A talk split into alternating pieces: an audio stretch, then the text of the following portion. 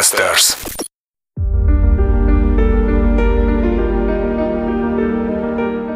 Érezted már, hogy többre vagy képes, mint amit most csinálsz? Hogy nem akarsz többé megalkudni? Hogy eleged van a másoknak való megfelelésből? Ha igen, akkor jó helyen jársz. A nevem Bolya Imre. A Karizma podcastet hallgatod. Célom, hogy rátalálja benned rejlő karizmára, hogy a legtöbbet tud kihozni az életedből. Magabiztosság, tudatosság, fejlődés. Kezdhetjük?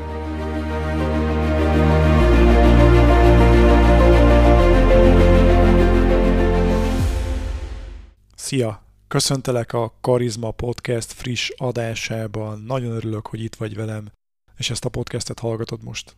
Ez egy szóló adás lesz, a karizma, karizmatikus kommunikáció jegyében, és a mai epizódban az online meetingek, az online előadások világába foglak elkalauzolni.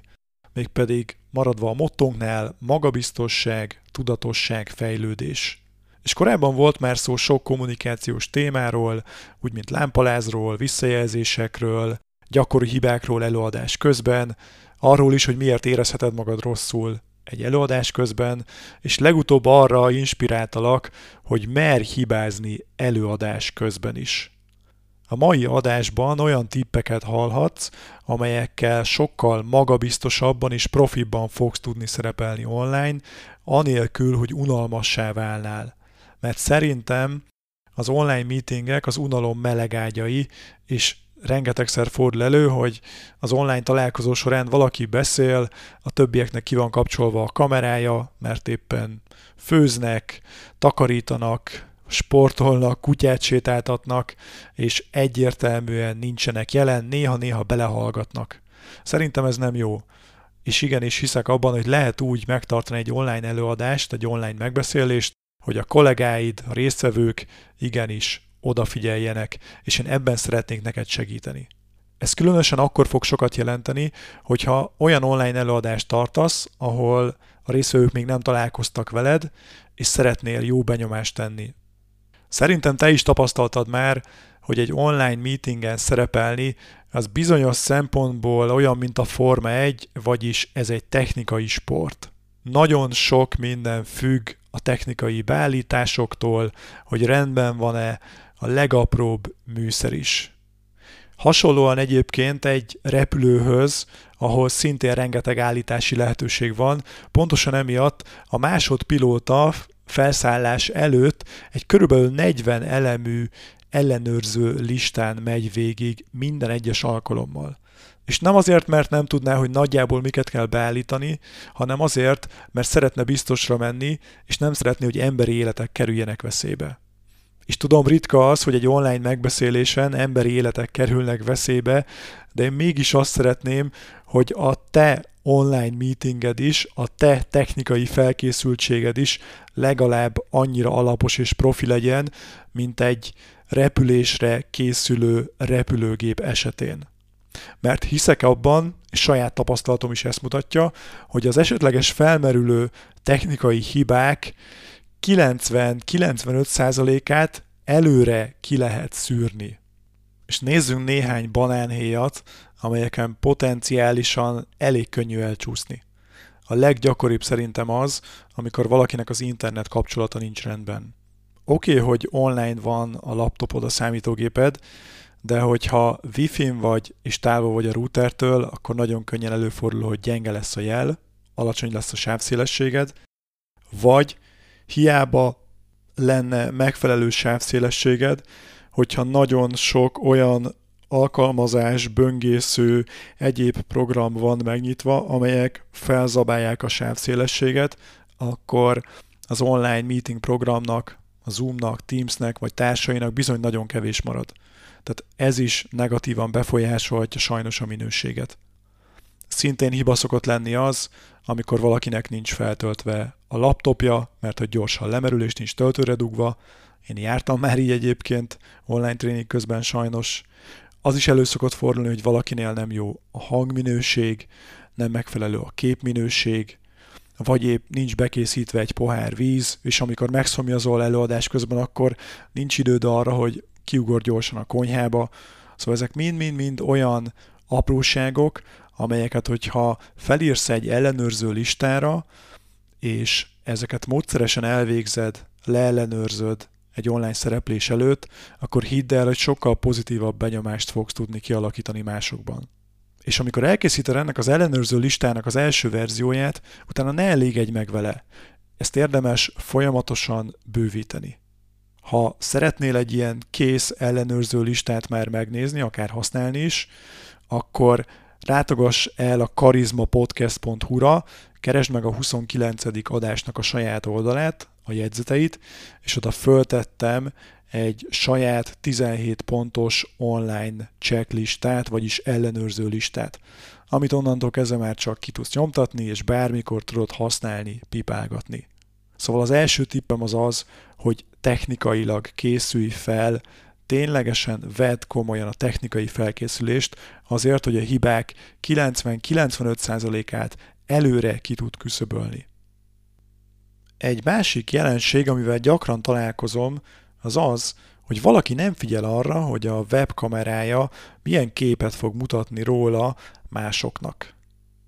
Amikor elmész egy fotózásra, akkor vajon a fotós alulról szokott fotózni téged?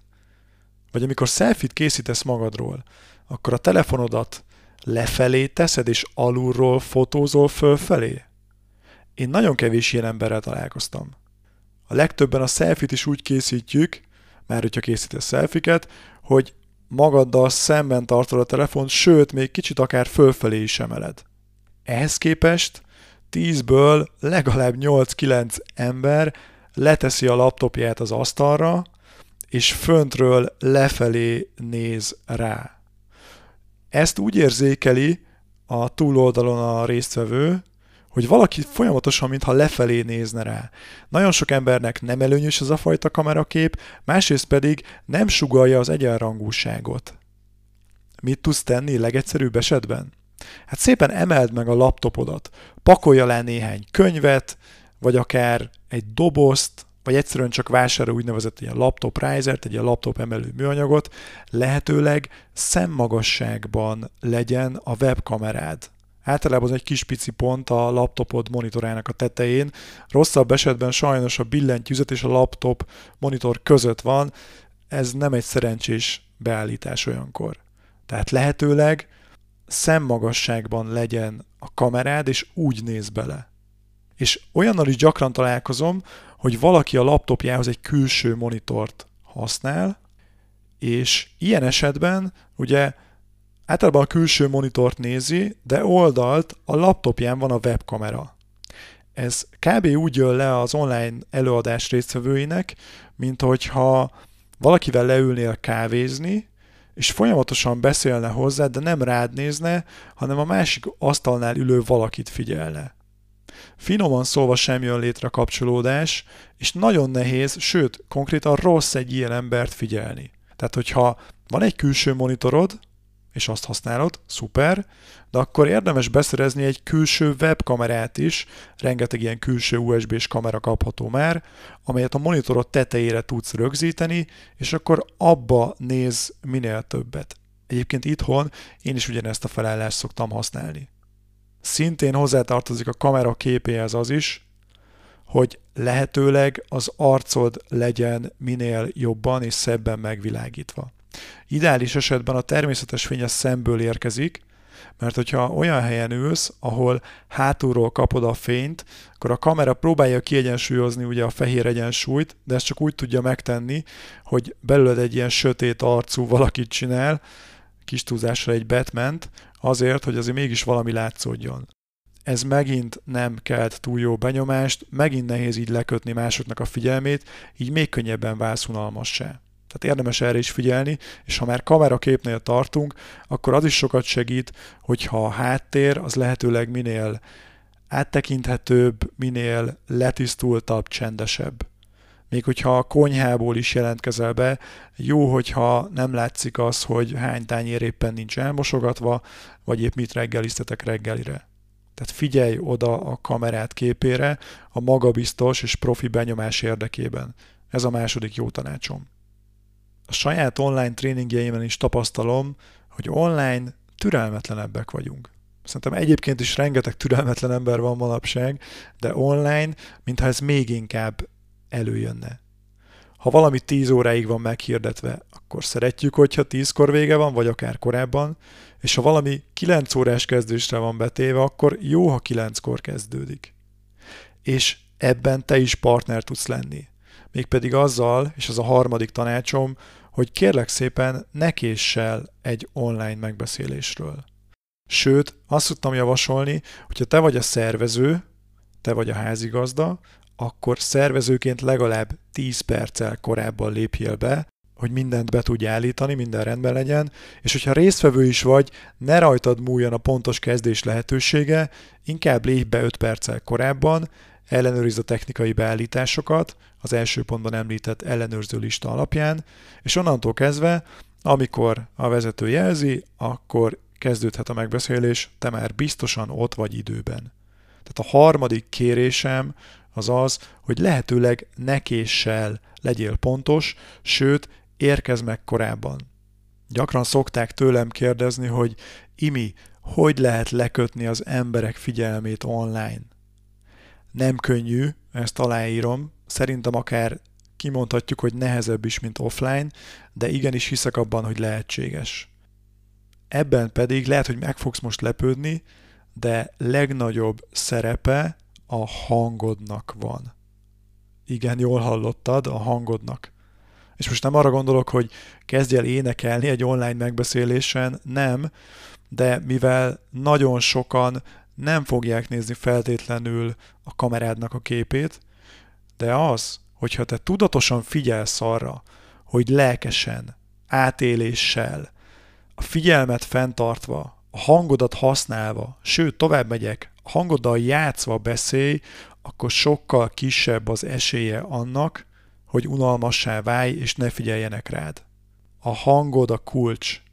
Pálferit egyébként érdemes tanulmányozni ilyen szempontból is, mert olyan sokat játszik a hangjával, és olyan szinten átéli azt, amiről beszél, hogy szerintem nagyon nehéz elaludni Pálferi előadásán, nagyon fáradtnak kell lenned ahhoz, hogy ez ténylegesen megtörténjen. Szóval játsz a hangoddal, mert a hangod a kulcs a figyelem fenntartásában. Ennek része az is, hogy elkerülöd az őzést, tartasz hatásszüneteket, hogy még inkább kiemeld a mondandódat, akár az is, hogy gesztikulálsz mellé, segíti az átélést, de a lényeg, hogy éld át azt, amiről beszélsz, és ez mutatkozzon meg a hangodban.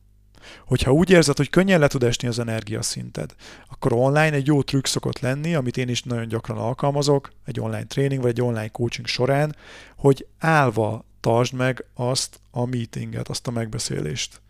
Magasabb energiaszinten jobban fogsz tudni játszani a hangoddal, jobban át fogod élni azt, amiről beszélsz. Ahogy egy korábbi pontban mondtam már, az emberek online türelmetlenebbek. És ennek része az is, hogy nem nagyon szeretik a barokkos körmondatokat, nem nagyon szeretik az unalmas felvezetéseket, nagyon könnyen elveszítik a fonalat. Éppen ezért azt várják jó eséllyel tőled is, hogy a lényegről beszélj. És most nem azt mondom, hogy tőmondatokban beszélj, és csak ez a jó megoldás, de igenis legyenek olyan rövid, frappáns mondataid, amelyek segítik az üzenet átadását. Azt is mondhatnám, hogy minden kommunikáció, egy online előadás, vagy online meetingen az úgy működjön, mint hogyha rövid üzeneteket adnál át, amelyeket utána megmagyarázol, kifejtesz, alátámasztasz történetekkel, számokkal, tényekkel. Hogyha üzenetekben gondolkozol, akkor sokkal könnyebb lesz a lényeget megfogalmaznod, és nem a bullshitről beszélned, ahogy ugye sokan szokták mondani. Tehát az ötödik gyakorlati tanácsom az az, hogy lehetőleg a lényegről beszélj, és kerüld a barokkos körmondatokat, kerüld a felesleges, hosszú magyarázatokat.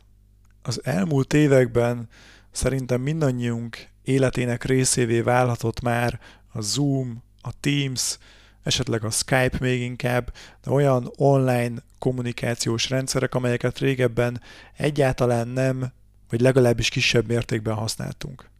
És a helyzet az, hogy egyrészt ezeket a szoftvereket folyamatosan fejlesztik, a két leggyakoribbat említve a Zoomot és a Teams-et is, és éppen ezért érdemes ismerned azt a szoftvert, amit használsz.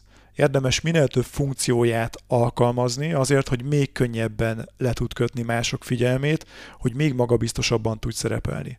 Mondok egy konkrét példát.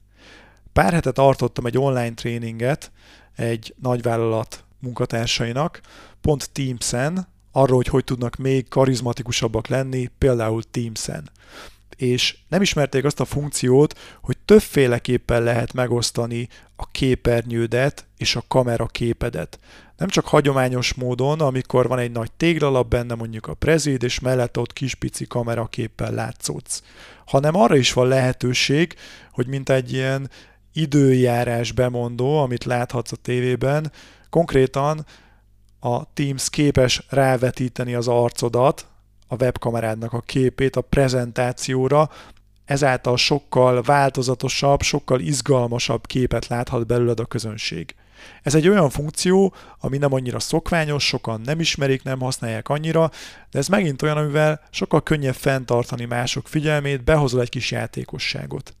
És biztos vagyok benne, hogy sok ilyen funkció van még a Teams-ben is, és a Zoom-ban is. Tehát a hatodik tanácsom az az, hogy ismerd meg minél jobban azt a szoftvert, amit használsz. És a legegyszerűbb mód erre az, hogy rászánsz egy negyed óra, 20 percet arra, hogy végig kattingatod a különböző funkciókat. Ne aggódj, nem fogod tudni elrontani, ezt nem lehet elrontani, de hogyha végig kattintod, rá fogsz jönni, hogy mely gomb mit csinál, melyik funkció hogyan működik. Emlékszem én anna, amikor mélyen elmerültem ebbe ezekben a rendszerekben, akkor az itthoni két laptopomat és a telefonomat bekötöttem egy online meetingbe, és fél órán keresztül a különböző funkciókat teszteltem, hogy képben legyek. És azóta is gyakran átnézem ezeket a szoftvereket, hogy megjelent-e valamilyen új gomb, valamilyen új funkció. Sokkal több eszköz áll rendelkezésedre, és sokkal hatékonyabb tudsz lenni, hogyha tudod, hogy az a szoftver, amit te használsz, az pontosan mit tud, milyen funkciókkal rendelkezik. Tehát ismerd meg a szoftvert. Szintén saját élményem az, amikor azt látom, hogy nagyon sokan úgy szerepelnek online rendszeresen, hogy valójában nem is tudják, hogy ők azt jól csinálják, vagy nem csinálják jól. Sőt, pontosítok, inkább azt érzik, hogy valamit nagyon rosszul csinálnak, mert a kollégák nem nagyon figyelnek rá, sok esetben a kamerát se kapcsolják be. Hát az egyik legfontosabb eszközöd arra, hogy fejlődj ezen a téren, az online szereplések világában, az az, hogy kérj visszajelzést. Kérj visszajelzést néhány kollégától, a főnököttől, a mentorodtól, és mondja meg ő neked, hogy mi az, amit jól csináltál, és mi az, amit csinálj másképp. Ez a két varázs kérdésem, a két kedvenc kérdésem a visszajelzése kapcsán minden esetben. Sőt, egyébként annyira szeretem ezeket a kérdéseket, hogy korábban készítettem már egy külön podcast adást erről, kudarc nem létezik, csak visszajelzés címmel. Ez a nyolcadik a sorban. Tehát a nyolcadik adást érdemes visszakeresned, meghallgatnod, ha még nem hallgattad meg, mert nagyon sok segítséget fogsz kapni ahhoz, hogy hogyan tudsz hatékonyan visszajelzést kérni, és még inkább kapni. És persze, hogyan tudod ezeket minél inkább beépíteni. Tehát a hetedik gyakorlati tanácsom az az, hogy kér visszajelzést arról, hogy milyen volt az online szereplésed, mi az, amit jól csináltál, mi az, amit másképp fogsz csinálni, és ezeket építsd be, hogy minél magabiztosabb, minél profibb legyél, és minél jobban le tud kötni mások figyelmét online is. Most, hogy végigmentünk ezen a hételemű listán, lehet, hogy azt gondolod, hogy persze, én ezek, ezek triviálisak, ezeket mind tudom. Igen, értem, de azt szokták mondani, hogy nem a tudás a hatalom, hanem a gyakorlati tudás, hanem azt, amit beépítesz ténylegesen a gyakorlatba. Örülök, hogyha kevés újdonságot mondtam neked, vagy akár nem is mondtam újat, annak pedig még jobban örülök, hogyha ezeket már mind használod. Vagy ha még nem használod mindet, akkor minél többet ténylegesen be fogsz építeni, hogy minél magabiztosabban és profibban tudsz szerepelni mások előtt. Legyenek ők a kollégáid, a főnökeid, egy ismeretlen közönség, bárki, aki megtisztel a figyelmével téged online. Bízom benne, hogy tudtam neked hasznos tanácsokat adni ebben a témában is, online meetingek, online előadásokat tekintve. ha tetszett ez az adás, akkor kérlek, hogy értékeld a különböző platformokon. Spotify-on, Apple Podcast-en, ha pedig YouTube-on nézted, akkor iratkozz föl a YouTube csatornára, ha még nem tetted, és nyomj egy lájkot. Ha pedig szeretnéd támogatni a Karizma Podcast készítését, akkor hallgasd a Voice-on keresztül, mert ebben az esetben tiszteletdíjat kapunk minden egyes hallgatás után. Ha pedig nem ismered még a Voice-t, a magyar hangos könyvtárat, akkor most 90%-os kedvezménnyel 30 napon keresztül mindössze 499 forintért ki tudod próbálni. Ehhez mindössze annyit tegyél, hogy menj föl a voice.hu per karizma oldalra, töltsd ki ott a formot, kapsz egy kuponkódot, és perceken belül indulhat is a közel ezer könyvnek a hallgatása. Örülök, hogy velem tartottál a mai adásban, találkozunk hamarosan, addig is a legjobbakat kívánom neked. Szia!